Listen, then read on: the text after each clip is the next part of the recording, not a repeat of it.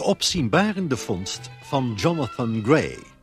Een hoorspel geschreven door Hadrian Rogers. Vertaling Peggy van Kerkhoven. Regie Hero Muller.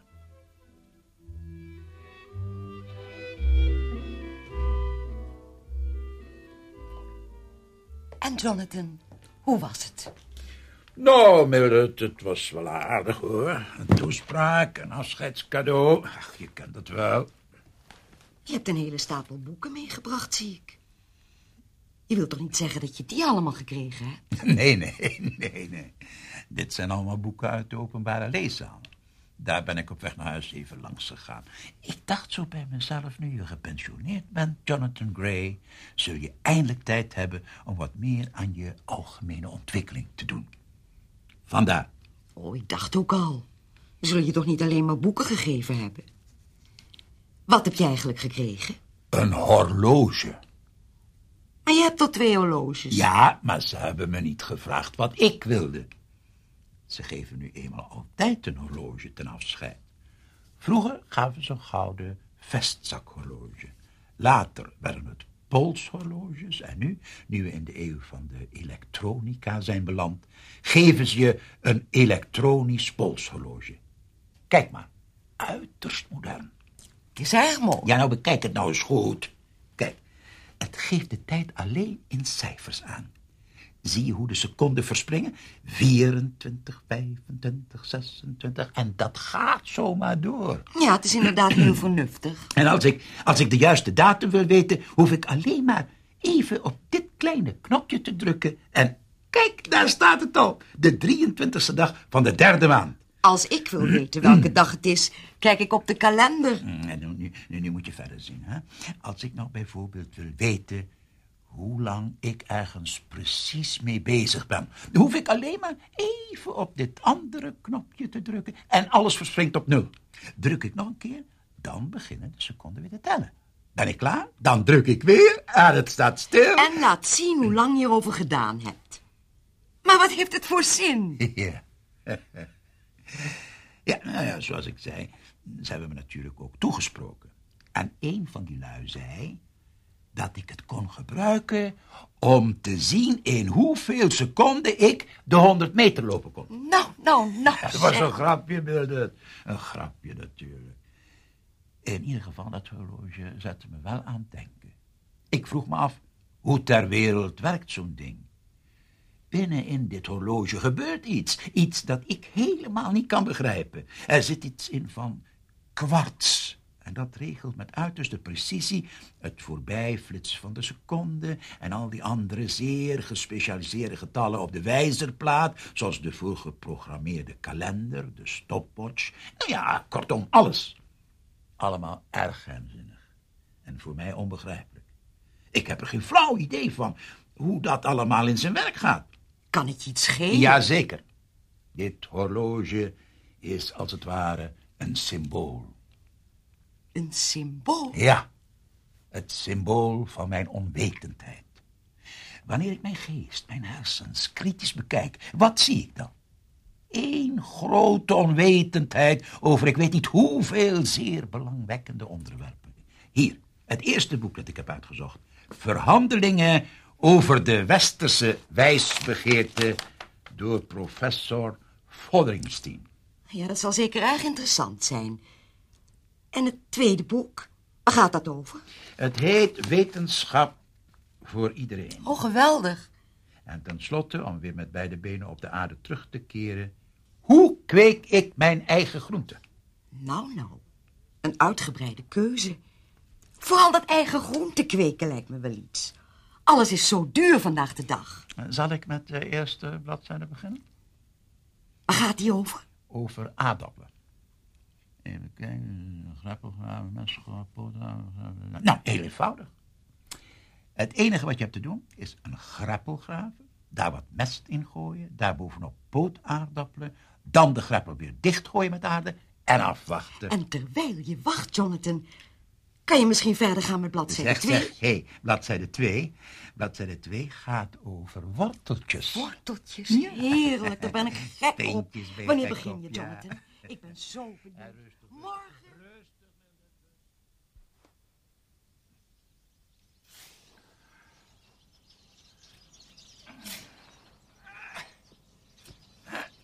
Spitten, eh, dat heb ik ook een tijd niet gedaan hoor. Dat voel je wel. Zo, nou eens even kijken. Wat heb ik nou tot nu toe bijgeleerd? Nog niet zo heel veel. Een paar dingen nog maar. Bijvoorbeeld over de zon. Daar staat hij, hoog aan de hemel. En ik voel zijn warmte op mijn rug. Maar ik weet nu tenminste ook dat die 93 miljoen mijl van mij verwijderd is. Ik weet dat zonlicht zich voortbeweegt met een snelheid van 180.000 mijl per seconde. Dat betekent, staat er in mijn boek, dat het licht dat nu mijn schaduw aftekent op de grond bijna acht en een halve minuut geleden zijn reis naar onze aarde begon. Zo, eh, goed, maar voel ik me met die kennis nu anders? Of beter? Heeft het mijn geest verrijkt? Eerlijk gezegd, nee. U bent aan het spitten, zie ik. Goedemorgen, buurman. Ja, ik ben aan het spitten, meneer Briggs. Mooi weer vandaag, hè? Als u maar een flink eind van mijn schutting vandaan blijft. Oh, maar natuurlijk. Ik blijf er een heel eind vandaan, hoor. En u gooit al die natte aarde ook niet tegen de onderkant van mijn schutting. Geen natte aarde Want tegen de van onderkant. natte aarde gaat het hout eerst schimmelen en dan rotten. En als hout eenmaal begint te rotten, is er geen houden meer aan. Ik zal er persoonlijk zorg voor dragen dat uw schutting niet gaat schimmelen en niet gaat rotten. Heus, ik geef u de verzekering. En dan is er nog iets. Oh, nog iets? De wortels van die boom van u. Welke? Welke boom? Eh, Die daar. Oh, je bedoelt mijn paarse sering. Ja, wat is daarmee? De wortels van die boom lopen helemaal door tot in mijn tuin. Lopen door tot in uw tuin. Precies. Ze hebben mijn tuin in een wurgende greep. Oh hemel, een wurgende greep. Maar wat bedoelt u daar in zemelsnaam mee? Ik bedoel, meneer Gray, dat ze onder mijn schutting doorgroeien. En mijn hele tuin zogezegd in bezit hebben genomen. Bovendien, er liggen hier ook overal buizen. Van het gas, van de elektra, de riolering. Ik wil niet dat die wortels van u daaromheen kronkelen, zodat ze kapot gaan of worden ingedrukt of verstopt raken. Dus ik sta erop dat u die wortels van die boom van u aan uw kant afzaagt. Ja, ik zou ze misschien wat in kunnen korten. Ja, maar wanneer? Ze groeien erg hard in deze tijd van het jaar. Weet u wat, ik zal ze inkorten zodra ik met dit werkje hier klaar ben. Ik ben nu aan het aardappelenpoten. Aardappelenpoten? Maar, maar, maar ben u dan niet veel te dicht bij mijn schutting begonnen? Aardappelen groeien uit tot grote planten met veel blad. Die bladeren worden net zo nat als het regent en tasten het hout van mijn schutting aan. En die... Die gaat al rotten. Ja, ik weet het. Wees niet bang, ik blijf een heel eind van uw schutting vandaan. Dag, meneer Briggs. Eh, je, je, je moet met schuttingen heel voorzichtig zijn, als u dat maar weet. Oude zeur, druktemaker voor niks met zijn natte schutting. Eh, waar, waar was ik nou ook weer gebleven? Eh, oh ja. Ik vroeg me af of het feit dat ik nu weet dat het licht er acht en een halve minuut over doet om onze aarde. Hé, een stuk steen. En een groot stuk steen ook.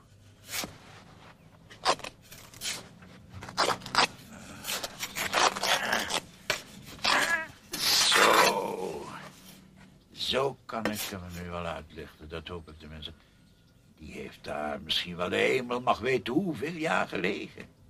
Maar nu is het uit met het pret. Kom op.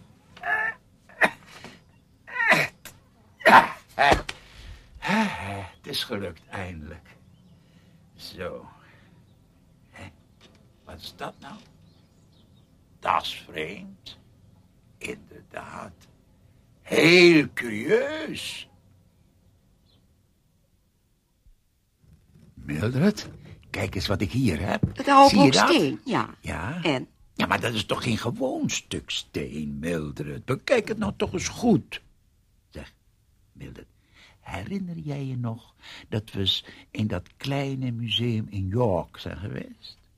Toen hebben we stukjes aardwerk gezien. Scherven. Die hier precies op lijken. De kleur vooral. Dat was Romeins aardewerk. Dit zou ook best Romeins aardewerk kunnen zijn. Een gedeelte van een vaas. Romeinse vaas. Ik geloof nooit dat de Romeinen ooit in dit deel van het land zijn geweest. Laat staan dat ze gewoond hebben. Waar heb je het gevonden? Op het stukje grond waar ik de aardappelen wou poten. Oh, knap van je. En vertel nou eens, wat had meneer Brix nou te vertellen? Het was net die hij ergens kwaad over was. Ach, Mildred, die Brix. Die man is altijd kwaad. Hij gaat zich aan alles en is kwaad over alles. Gewoon een lastig portret. Hij beweerde dat ik een flink eind van zijn schutting vandaan moest blijven. Nou, dan kun je toch. Onze tuin is groot genoeg. Natuurlijk, maar bovendien wilde hij dat ik de wortels van onze seringenboom af zou zagen. Omdat die, zoals hij het noemde, zijn tuin aan alle kanten binnendringen. Nee, toch. Onze mooie seringenboom. Nou, maak je nou niet ongerustig, gebeurt niets mee, Mildred.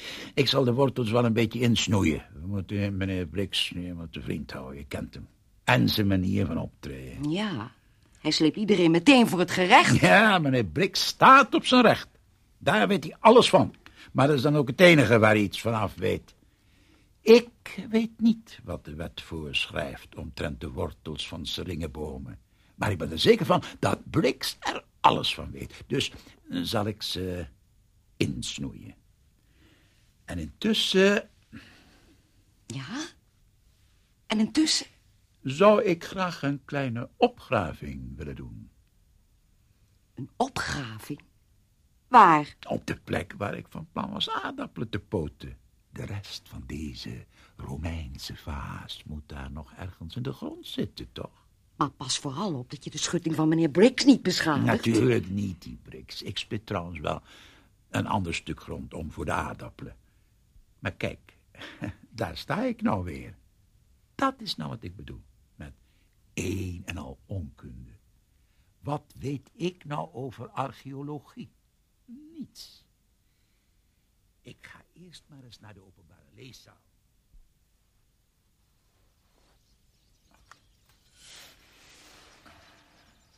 Hé, hey. wat is dat nou weer? Nou ben ik op zoek naar de rest van die Romeinse vaas. En nou vind ik dit.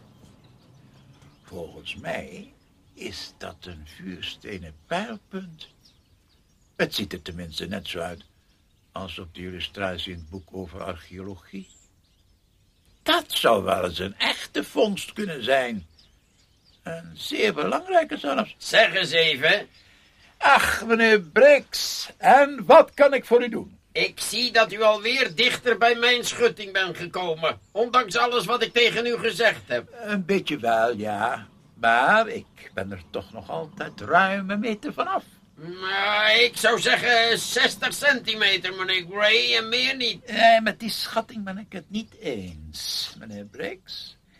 Maar eh, laten we zeggen dat 70 centimeter toch nog altijd een veilige afstand is. Ziet u die paal daar staan? Ja, die paal. Die staat in beton. Als u dat beton ondergraaft, valt die paal om. Maar het is helemaal mijn bedoeling niet dat beton te ondergraven. En als die paal omvalt, valt ook de schutting om. Ja, maar ik U verzeker bent aardig diep aan het spitten, vindt u niet? Voor aardappelen. Ik ben van mening veranderd. Ik ga hier geen aardappelen poten. Wat- wat- Wat dan wel? Ik ben bezig met een opgraving. Ik heb een stuk van een Romeinse vaas gevonden. En ik ben nu op zoek naar de rest van die vaas.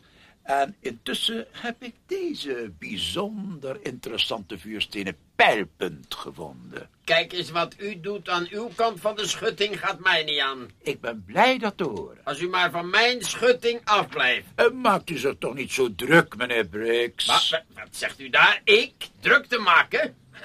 Als de wortels van uw sering dwars door mijn tuin groeien... en van iedere centimeter aarde van mijn tuin bezit nemen... en alles verstikken... Ik heb die wortels al gesnoeid.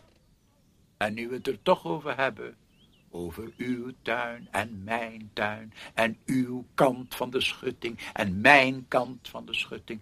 Zou u zo vriendelijk willen zijn. U niet steeds met mij en mijn tuin. En mijn kant van de schutting te bemoeien? Ik ben minstens zo op mijn privacy gesteld als u, meneer Briggs. En ik zou u daarbij hinderen? Ik? Inderdaad, door steeds uw hoofd over de schutting te steken zodra ik hier maar even bezig ben. Mijn hoofd over de schutting te steken? Nee, nee, ja, nee, nou wordt hij goed. Over mijn eigen schutting, nota bene. Mijn schutting. Ik doe met die schutting wat ik wil, meneer Gray. Het is mijn hoofd en het is mijn schutting. Zolang u dat hoofd maar aan uw kant van de schutting houdt, dan heeft u mijn zegen, meneer Briggs. Bah.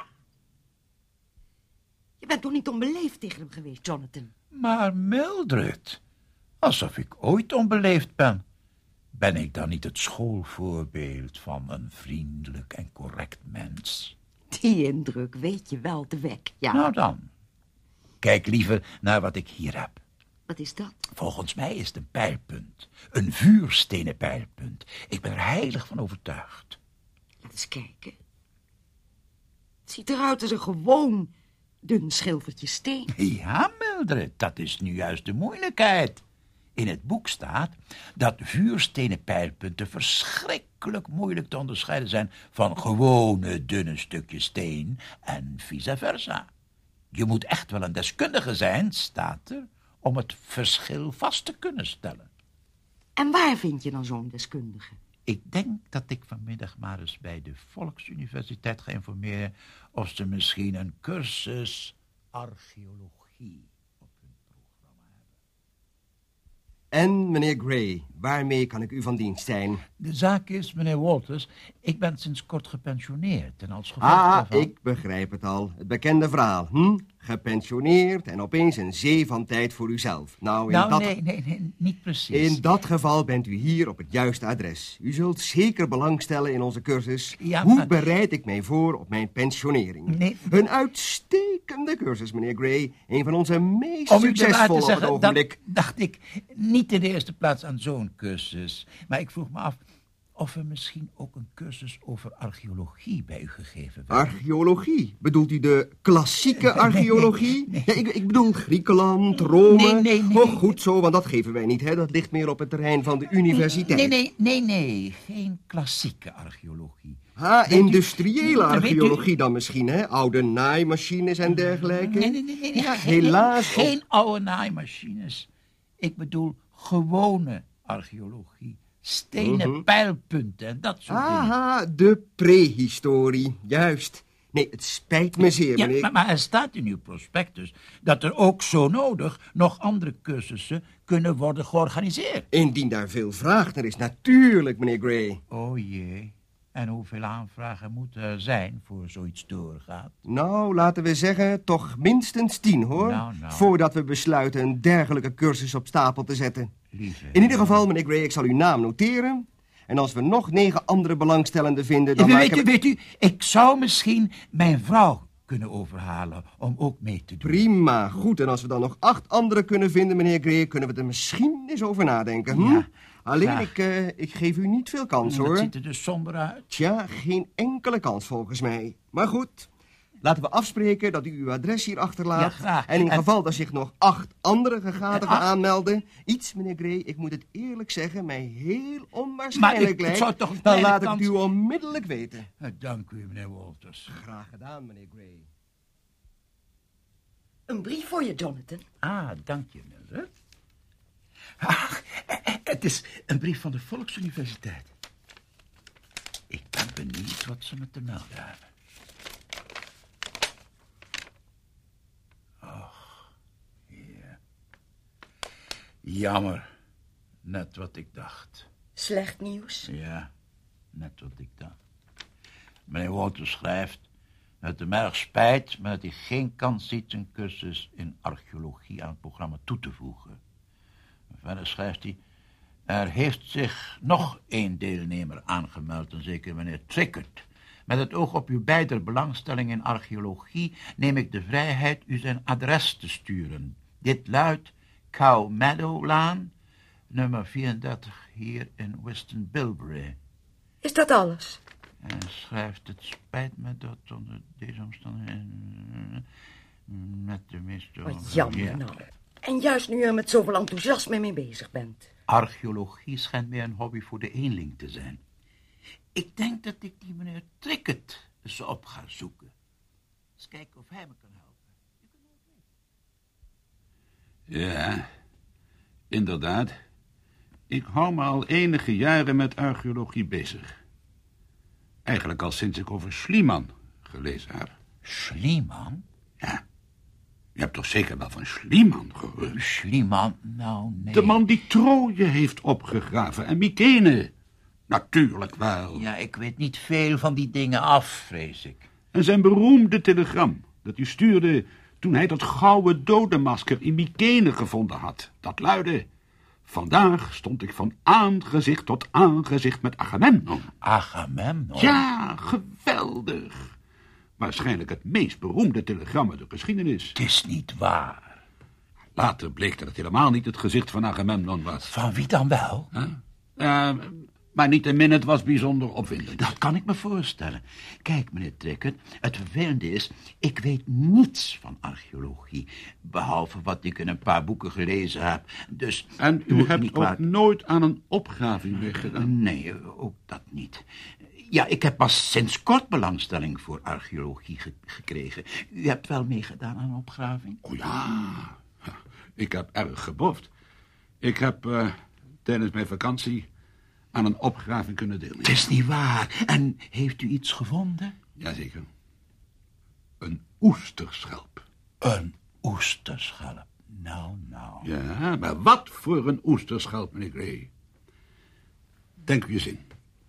De een of andere onbekende, primitieve mens vond eens, duizenden jaren geleden, die oester, meneer Gray. Hij opende die schelp en at de oester op. Ziet u het voor u? Ja, ja, ja, ja. Uh, daarna gooide hij de lege schelp weg. Ugh. En wat gebeurde? 3000 jaar later 3000. kom ik op die plek en graaf die oesterschelp weer op. 3000 jaar, was hij zo oud? Dat is vastgesteld, ja. En waar is hij nou? Uh, die schelp bedoel ik.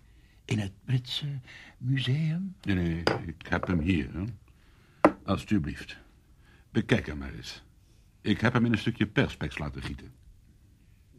Wat een mooi exemplaar. Dat wil dus zeggen dat ze u die schelp hebben laten houden? Ja. Ze hadden trouwens wel duizend van die schelpen gevonden. Vlak bij de plek waar ik aan het graven was. Ja, de man die daar de leiding had kwam naar me toe en zei... Meneer Zwickert, u kunt de schelp die u gevonden hebt van houden. Houd u er maar als een aandenken, want u hebt een zeer waardevolle bijdrage aan ons onderzoek geleverd. Een waardevolle bijdrage? Maar dat moet een aanmoediging voor u zijn geweest. Ja, dat waren zijn eigen woorden. U hebt twee weken lang met de grootste nauwkeurigheid op dit stuk grond gewerkt, zei hij. Mhm. Mm -hmm.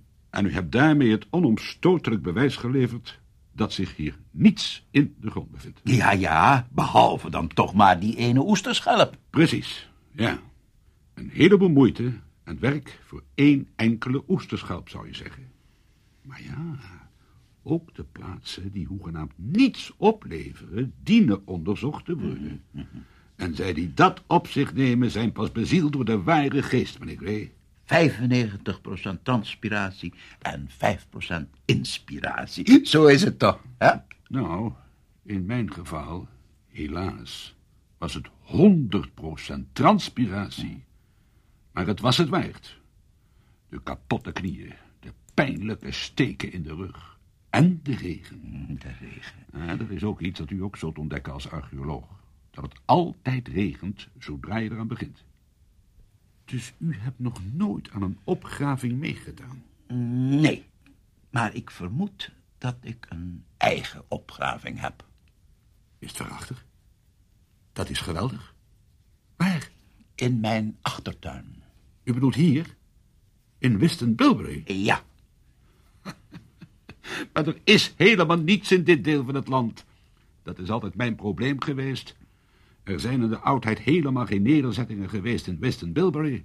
Toch heb ik twee dingen gevonden. Werkelijk? Een stuk aardewerk dat waarschijnlijk afkomstig is van een Romeinse vaas. En een vuurstenen pijlpunt. Mag ik die eens zien? U zou zich kunnen vergissen. Hm, Ik heb ze niet bij me. Ik heb ze niet meegebracht. Wat verdomd vervelend nou.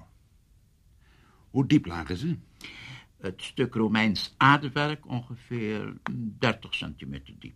En de vuurstenen pijlpunt, eh, ja, zo ongeveer 75 centimeter. Ongeveer 75 centimeter. Maar zoiets kun je toch niet zeggen? Waarom niet? Wat bedoelt u? Wanneer je een opgraving doet, moet de plaats van een vondst nauwkeurig worden vastgesteld en heel secuur worden opgemeten. Zomaar wat schatten, zo van ongeveer 75 centimeter, dat lijkt nergens naar. Dat is er met de pet naar gooien. Straks vertelt u me nog dat u er een schop bij gebruikt hebt. Ja, een schop heb ik gebruikt. Ook al fout, veronderstel ik. Maar natuurlijk, de archeoloog vervloekt de schop. Alleen een amateur gebruikt zoiets. Luister, meneer Gray. Toen ik mijn oesterschelp uit de aarde haalde, dacht u dat ik toen een schop had gebruikt. Nee, ik gebruikte een lepel en een tandenborstel. Dat is niet waar. Aha. Iedere kubieke centimeter aarde moet zorgvuldig onderzocht worden. Er is geen andere manier. Een lepel, ik zal het onthouden. Eh, wat u nodig hebt is een goed leerboek. Hier. De eerste beginselen van de archeologie van Bannerman. U hebt natuurlijk van hem gehoord. Bannerman.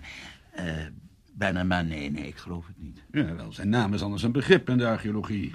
Ja, dat geloof ik graag. Wat heeft hij allemaal gedaan? Wat hij gedaan heeft.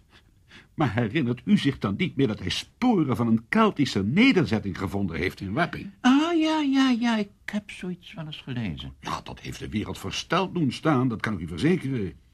Daar hebben de deskundigen vreemd van opgekeken. Maar luister, voor u nog meer brokken maakt, Ja, ik luister, ik luister. ik, eh, ik kan beter eens naar die opgraving van u komen kijken. Eh, Dat zou ik een hele eer vinden. Goed, dan kom ik dit weekend bij u langs. Laten we zeggen, zondagmiddag, Zondagmiddag uitsteken. half vier. Half vier. En bedankt voor de moeite. Geeft u mij uw jas maar, meneer Trickett. Dank u, mevrouw Gray. Nou, ik ben erg benieuwd naar die opgravingen door uw man. Ja, hij heeft echt iemand nodig die hem wat raad kan geven. Hé, Jonathan? Nou, nou. U heeft waarschijnlijk al aan heel wat opgravingen deelgenomen, meneer Trickett. Ja, Mm, Mildred, meneer Ticket heeft een oesterschelp opgegraven die meer dan 3000 jaar oud is. Niet te geloven. eh, voor we naar de tuin gaan, kan ik misschien beter eerst die vondsten van u bekijken. Ja, dat lijkt me een goed idee. Ik heb ze hier, meneer Ticket. Kijk, hier is dat stuk aardewerk. Juist, ja. en dat noemt u Romeins. Ja, Romeins, afgaand op de kleur vooral. Het is te bruin. En bovendien, de structuur deugt niet. Wat jammer nou. Dus het is niet Romeins. Hé, wat naar nou? Het is waarschijnlijk een stuk van een gebroken lampetkan uit de vorige eeuw. Lampetkan. Ja, en nu die vuurstenen pijlpunt. Alsjeblieft. Hier is hij. En? Nou, dat is heel wat interessanter. Dat ziet er werkelijk uit als een pijlpunt. Ja, dat zou ik ook zo denken. Bijna als een zwaluwstuitpijlpunt. Niet helemaal de juiste vorm. Ja, het komt er toch heel dichtbij. Maar het is heel moeilijk te zeggen met vuursteen. Je moet er erg voorzichtig mee zijn. Ja, dat staat in alle vakliteratuur. Maar dit lijkt me echt een goed exemplaar. Ziet u die kleine uitholling hier? Ja, ja, ja. Ik durf te wedden dat dat zo'n beroemde bolvormige uitholling is. En wat is dat nou eigenlijk precies, een bolvormige uitholling? Dat is de uitholling die ontstaat als iemand twee vuurstenen tegen elkaar slaat om er een stuk van af te splijten. Ja. Die scherpe randjes hier aan dit stuk vuursteen zijn een goed teken. En, en dat hebt u werkelijk in uw tuin gevonden. Ja, in mijn tuin. Ja, laten we er direct naartoe gaan, hè. Gaat u voor, alstublieft. We kunnen door de tuindeuren.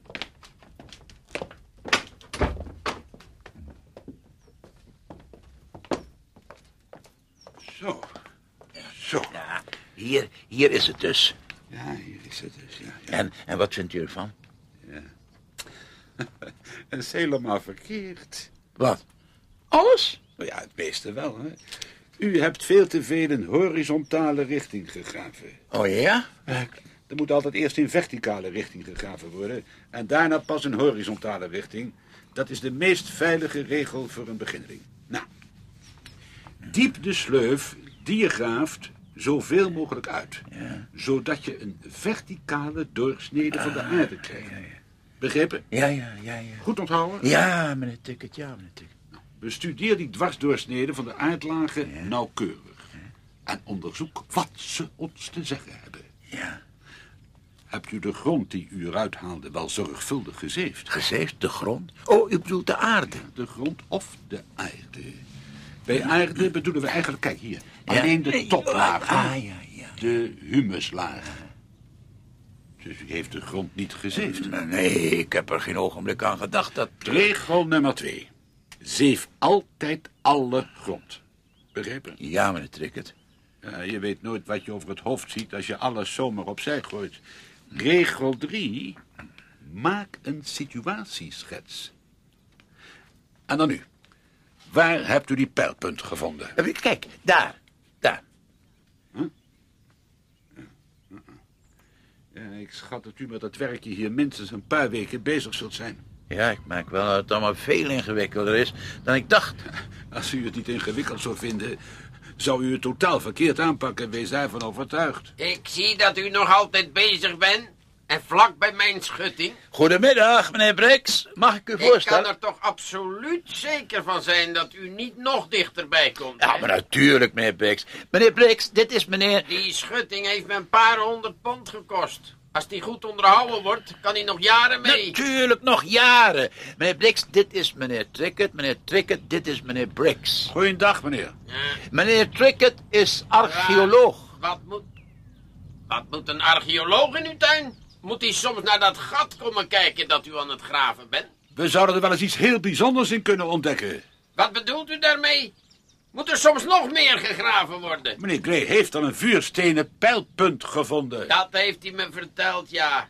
Wil u zeggen dat hij die in dat gat daar gevonden heeft? Jazeker. Ja, kijkt u aan daar, daar, in die kuil daar. Dat is veel te dicht bij mijn schutting.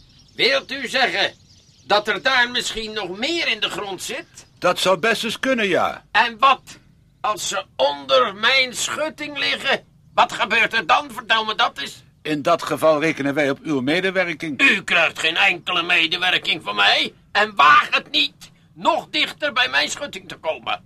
Geen sprake van. Ha, Haal uw eigen tuin gerust overhoop als u dat wil. Maar laat mijn schutting met rust. Wat een vreemde man lijkt me dat. Hij maakt zich bezorgd over zijn schutting. Ja, dat heb ik wel begrepen. Enfin, wat u nou nodig hebt is een lepel, een mes en een tandenborstel. En een tandenborstel, ja. En dan zal ik u laten zien hoe u die gebruikt. Kom, meneer Trikker. Nee, voor mij niet, dank u. Kijk, waar we nu vooral naar moeten zoeken... is iets dat gedateerd kan worden. Ja, maar wat bedoelt u daar nou precies mee? Nou, een, bot bijvoorbeeld. Of een stuk van een bot. Vinden we een stuk bot, dan laat ik aan de hand daarvan vaststellen hoe oud het precies is. Begrepen? Ik zal mijn best doen, maar hoe kunt u zoiets laten vaststellen? U hebt natuurlijk wel eens gehoord van carbondating. De zogenaamde koolstof-14-datering. Eh, 14, dat, nou, vaag. Mijn man is nog maar een beginneling, moet u denken. Maar C14-datering is toch alom bekend? Je ziet er een aantal documentaires over op de televisie. Maar we kijken haast nooit in de televisie. Hoe eh, gaat die datering dan in zijn werk? Het is te ingewikkeld om dat u allemaal uit te leggen. Maar ik heb een vriend die aan de universiteit werkt... en die toegang heeft tot de benodigde apparatuur. Kijk, het zit zo. Stel, u vindt een bot. Ja. Ergens op dezelfde diepte als deze pijlpunt. Ja. En veronderstel dat de koolstofdatering aangeeft... dat dat stuk bot zo ongeveer 5000 jaar oud is. Wel, dat betekent dat dat uw pijlpunt ongeveer even oud is. Begrijp je wat? Ja, meneer Tricket. Ja, daarom moet je er ook nooit met de schop op afgaan. En nog iets, hè, waar je altijd aan denkt. Nog een sandwich, meneer Trikker. Nee, dank u. Kijk, als u de verschillende aardlagen heeft blootgelegd... de humuslaag, de leemlaag, de bruine aarde, de kleilaag... de zand- of kiezellaag... Misschien hebt u liever een van de andere. Probeert u deze eens? Een sandwich met komkommer. Heerlijk fris. Nee, echt, dank u. Hebt u al die lagen eenmaal blootgelegd, dan werkt u dat meer in het horizontale vlak uit. Dus in de breedte. Wat? Toch niet over het hele gazon? Ja, precies. Het is zo eenvoudig als wat. U haalt eerst met een hak de bovenste graslaag eraf en graaft dan steeds dieper, centimeter voor centimeter. Met een lepel? Dat lijkt me nogal een radicale methode. Om een mooi gladgeschoren gazon te vernielen. Ja, het is maar waar u de voorkeur aan geeft. Wat betekent een mooi gazon in vergelijking tot de vooruitgang van de wetenschap? Dus eh, u begint er zo gauw mogelijk aan, hè, meneer Gray? Eh, ja, meneer Ticket. En ik hou contact met u. En zal ze nu en dan met raad en daad u bijstaan. Erg vriendelijk van u. Ja, neem het mij niet kwalijk, maar ik moet nu weg, hè? Ik zal u even uitlaten. Fijn, dank u wel. Dag, meneer Gray. Dag, Ticket. Tot ziens, meneer Trickett. Nou zeg, die meneer Trickett van jou is me ook een doordouwer. Ja, een man met een onstuitbaar enthousiasme, dat wel. Het spijt me dat ik met die opgraverij begonnen ben. Ik ben bang dat ik me heel wat werk op de hals heb gehaald. Net wat je zegt. Er nooit aan moeten beginnen. Bovendien, die Trickett behandelt je of je een kleine jongen bent. Och, dat is maar zo zijn manier van doen, Mildred. Diep in zijn hart weet hij best dat ik helemaal geen kleine jongen ben. Dus u begint toch zo gauw mogelijk aan meneer Gray? U hebt toch zeker wel eens gehoord van koolstofdatering, meneer Gray? Waarom laat je de mensen toch altijd zo voor je lopen? Ik weet het werkelijk niet, Mildred. Het enige dat ik weet is dat de mensen me mijn leven lang zo behandeld hebben.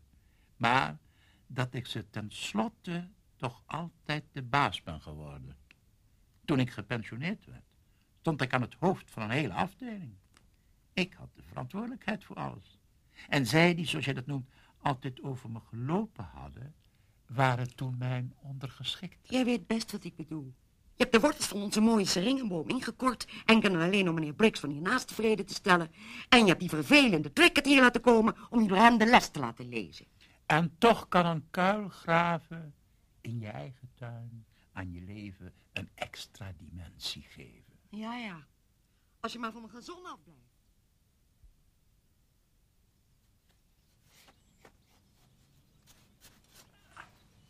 Nog steeds geen succes. Toch doorzetten. Ik kom je een kopje thee brengen. Ach, wat lief van je, heerlijk. Zeg, kom je uit de kuil om het op te drinken? Ja, dat lijkt me een goed idee. Nou, je hebt er aardig wat aarde uitgeschept. Heel wat voor zo'n kleine kuil. Nou, gemeten naar het zweet dat het me heeft gekost, is het anders een heel flinke kuil. En diep ook. Minstens 150 centimeter.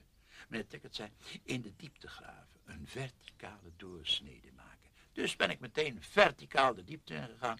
Ik moet bekennen dat ik daar toch zo nu en dan de schop bij heb gebruikt. En niet alleen een lepeltje of een taartschepje en een tandenborstel. Maar zeg dat maar niet aan Tricket. Zal ik je een hand geven om eruit te komen? Nee, hoeft niet. Ik heb een soort treetje voor mijn voet gemaakt. Zeg, voor je eruit komt. Ja, Wat is dat daar? Dat vieze bruine ding dat er uit de aarde steekt. eh, waar?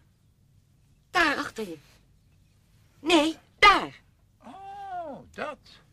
Nou, met een beetje geluk is dat weer een stuk van een vieze bruine steen.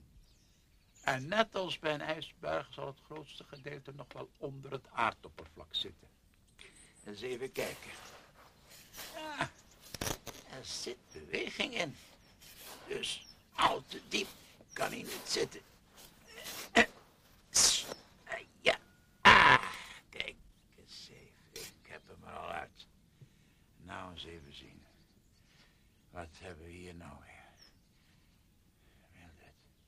Als je mij vraagt, heb ik hier het eerste stuk te dateren bewijs gevonden. Wat is dat dan? Dit, schat, mijn lieveling, is een stuk bot. Kijk eens aan.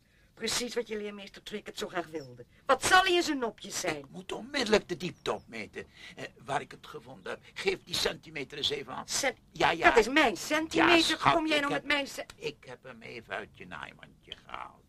Wel even van je lenen. Geef ze je. Dank je. Ja. Ja. Op. Even kijken. Twee, 92 centimeter.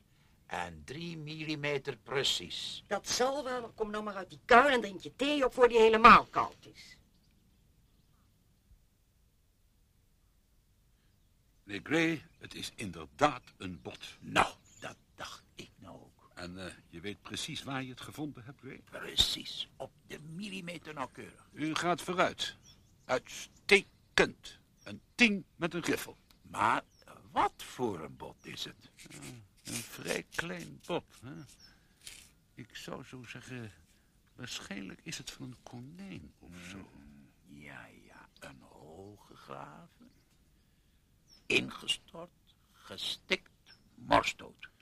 Dat kan ik pas weten als ik dit stuk bot heb laten dateren. Heb je opgemerkt hoe bruin van kleur het is? Weet u hoe dat komt? Nee, geen flauw idee. Natuurlijk niet, dat dacht ik wel. Er zit hier ijzer in de grond. En in de loop der jaren is dat in dit bot doorgedrongen. Ja, inderdaad. Dit stukje bot zou wel eens zeer, zeer oud kunnen zijn. U vertelde mij dat u het bot vond aan de zijkant van de sleuf. Aan welke kant? Dat is het hem juist, aan de kant van mijn buurman Brix. Goed, goed. Dan moet u de sleuf aan zijn kant uitbreiden. Maar dan kom ik steeds dichter bij zijn schutting. Wat kan u die vervloekte schutting schelen? Dit is archeologie, meneer Gray. Wetenschappelijk onderzoek. Ik ben niet van plan daarmee te stoppen. Ja, maar die schutting... Nee, u zult verder naar die kant moeten graven om de rest van dit konijn te vinden. Ja, maar die schutting... Ja, dit ene botje kan beslist niet het enige zijn wat daar te vinden is. Volgens mij zitten we hier aan de rand van een zogenaamde afvalshoop uit het stenen tijdperk. De plaats waar ze hun afval, hun etensresten, hun huisvuil en dergelijke op een hoop smeten. Alle tekenen wijzen erop. Of niet soms? Misschien wel, ja, maar... We zitten hier aan de rand van een afvalplaats. En laat ons niet tegenhouden door een onnozele schutting. Maar meneer Brix zal er bezwaar tegen maken. Ik zal wel met meneer Brix gaan praten. Laat dat maar aan mij over. Ik weet hoe je met dergelijke lastige mensen om moet gaan. U hebt hem dus opgezocht en zelfs met hem gesproken? Ja, een zeer onbeleefde man. Niet bereid tot enige samenwerking. Hij liet me niet eens winnen. Zo is hij nou eenmaal. Wantrouwig. Hebt u hem verteld dat we alleen maar iets dichter bij zijn schutting willen gaan graven? Natuurlijk. En ik deed het toch heel tactvol. Ik liet natuurlijk wel zo'n beetje doorschemeren dat zijn schutting misschien zou moeten worden afgebroken. En weet u wat hij zei? Als meneer Gray mijn schutting ook maar met één vinger aanraakt, sleep ik hem voor het gerecht. Nou, dat is duidelijk genoeg. Jammer. Dan kunnen we er maar beter mee ophouden. Ophouden? Wel, nee. We zijn nog zeker 60 centimeter van zijn schutting vandaan. Met die lapgrond kunnen we doen wat we willen. Die zullen we dus grondig onderzoeken. Laten we maar meteen beginnen. Eh, Nou, eh, goed U dan. hebt toevallig niet zoiets als een lichtstoel hier? Een lichtstoel? Ja, mijn rug, weet u. Ik zal erbij moeten zitten en alles nauwkeurig bekijken. En aanwijzingen geven. En aanwijzingen geven, inderdaad. Uw man heeft nog een boel te leren. Ja, ik heb nog een boel te leren.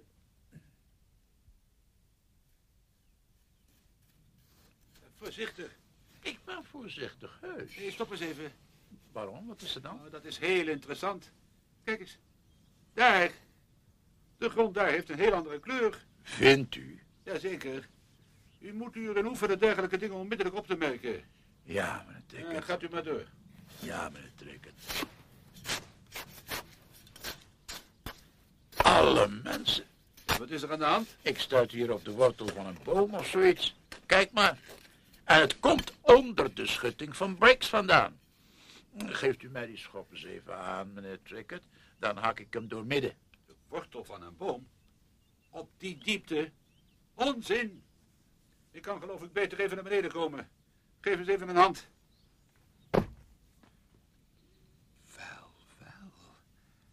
En dat wilde u in tweeën hakken met uw schop. Wat een geluk dat ik erbij was. Waarom? Wat, wat is het dan? Geweldig!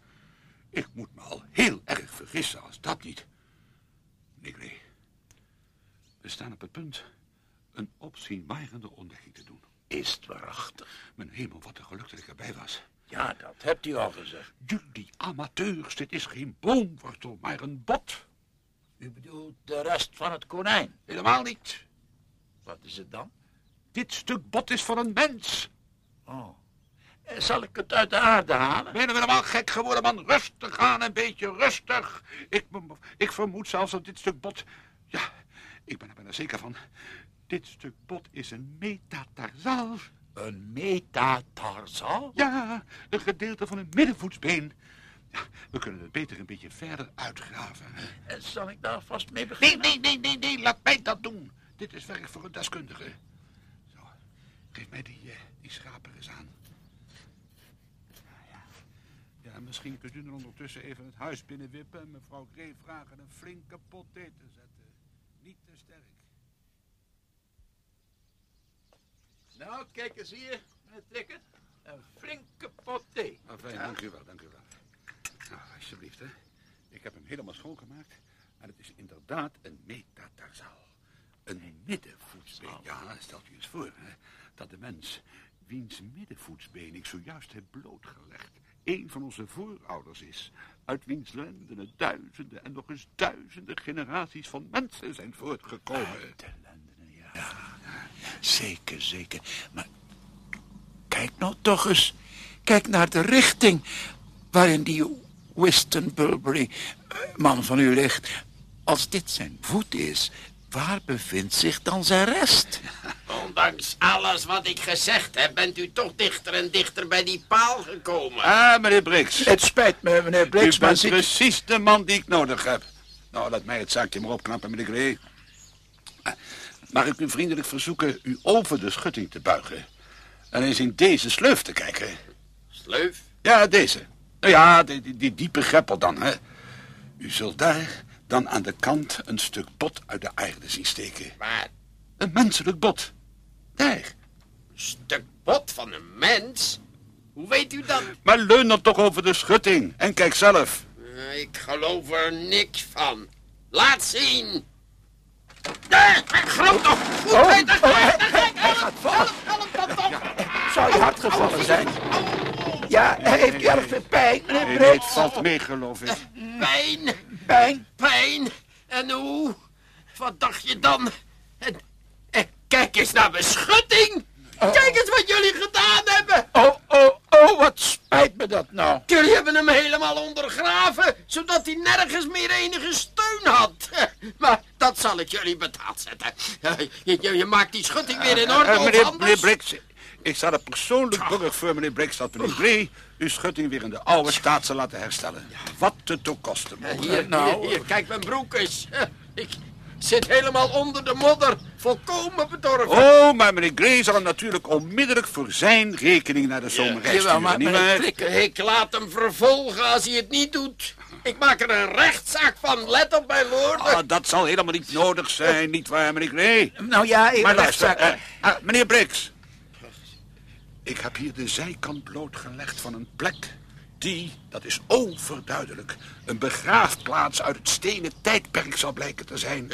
Ja, ongelukkigerwijze bevindt de rest van deze begraafplaats zich onder uw tuin. Nou, En, en laat die daar maar rustig liggen, meneer, eh, hoe u ook heten mag. Laat maar rustig liggen. Nou, dat hebben we dan gehad. Ja, maar we zijn er nog niet. Ah, wat we nou nodig hebben is publiciteit. Publiciteit? Jazeker. Algemene bekendheid in de plaatselijke krant. Oh, ik zie dat voor me, hè? met een foto van mij op de voorpagina, met een bot in de hand. Met het bot in de Ah, hand. Ik zal ze opbellen. Ik ken de hoofdredacteur. We zullen die onbehouden buurman van u eens een beetje onder druk moeten zetten. De inspecteur heeft me opdracht gegeven naar u toe te gaan, meneer Gray. Het gaat om dat stuk bot dat in uw tuin gevonden is, zoals in de krant staat. Ze schrijven dat het een menselijk bot is. De inspecteur is van oordeel dat er een lijkschouwing gehouden moet worden. Werkelijk? Ook als het om een stukje bot gaat. Zo is de wet nou eenmaal, mevrouw. En daarom hebben wij de rest van het skelet nodig, natuurlijk. Dat zich, voor zover ik weet, bevindt in de tuin van meneer Briggs. Hiernaast. U zult de rest van het skelet dus daarop moeten graven. Laten we bij het begin beginnen. Ten eerste moeten we vaststellen dat het bot van een menselijk wezen is. We hoeven nog geen alarm te slaan voor we dat zeker weten. De politie zou een slechte beurt maken als we de tuin van meneer Briggs omver gingen halen, zolang we daar niet eerst zeker van zijn. Dus, eh, ja, ik zeg dit allemaal in uh, strikt vertrouwen. Begrijpt u dat? Ja, natuurlijk, agent. Ik zal het tegen niemand zeggen.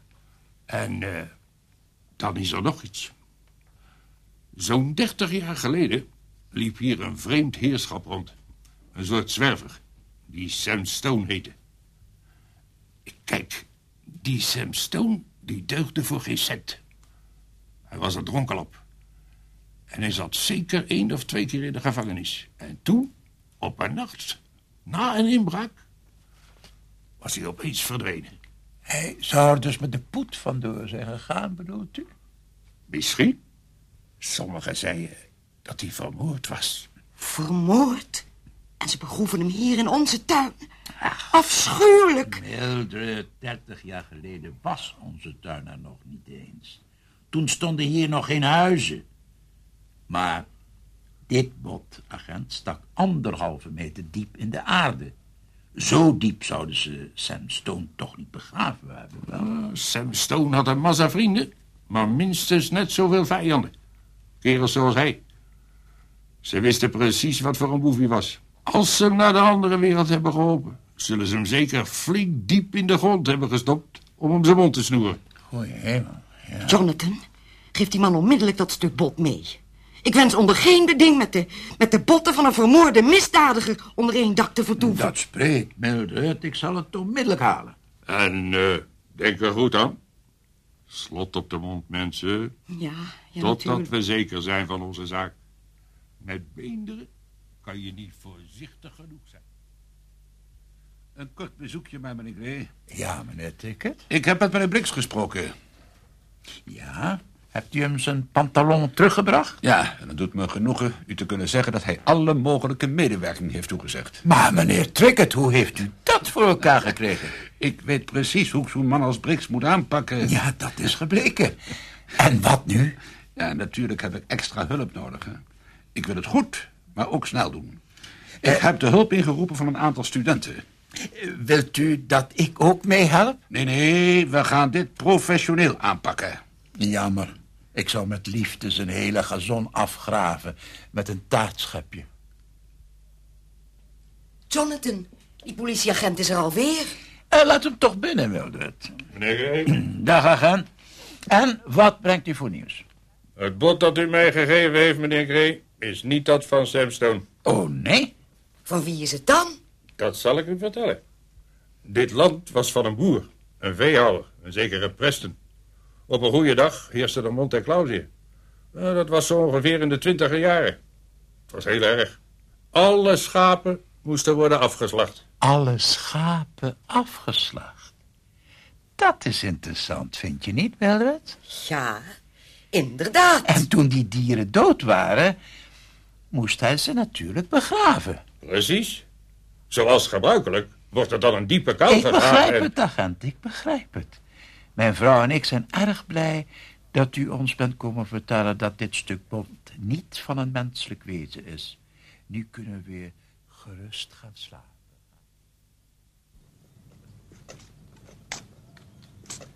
Wat zijn ze hiernaast in de tuin van Brix hard aan het werk, hè, Mildred? Ja, zeg. Zie je hoe die jongelui zich uitsloven met hun lepeltjes en hun tatenschepjes en hun tandenborsteltjes? Jongen, jongen. Ik zie al vijf diepe sleuven. Zeg, wanneer ga je het ze vertellen? Ik het ze vertellen? Ik? Wie ben ik om me te bemoeien met het wetenschappelijk werk van een deskundige, een professional als meneer Trickett? Maar Jonathan... Laat ze graven. Laat ze graven, graven, graven. Tot ze het eindelijk hebben blootgelegd. Het schapenkerkhof. Schapenkerkhof. Maar op dat moment moeten wij wel zorgen dat we erbij zijn, hè, om hun gezichten te zien. Kijk eens, ah, jakkes, daar begint het nog te regenen ook. Ja, maar dat hoort zo bij professionele archeologie. Ik ben bang dat het hier nou erg modderig zal gaan worden. hè, in de tuinen. Mildred, kom, wij gaan lekker naar binnen. Ja, gauw maar. Ik vraag me af, Wat? wat zal meneer Briggs zeggen... als hij merkt dat ze zijn hele tuin vernield hebben... alleen om een hoop schapenbeenderen bloot te leggen? Meneer Briggs, kennende Mildred, veronderstel ik dat die meneer Trickett onmiddellijk voor het gerecht sleept. Dit zijn de gebeurtenissen die het leven van een gepensioneerde aanmerkelijk kunnen verrijken.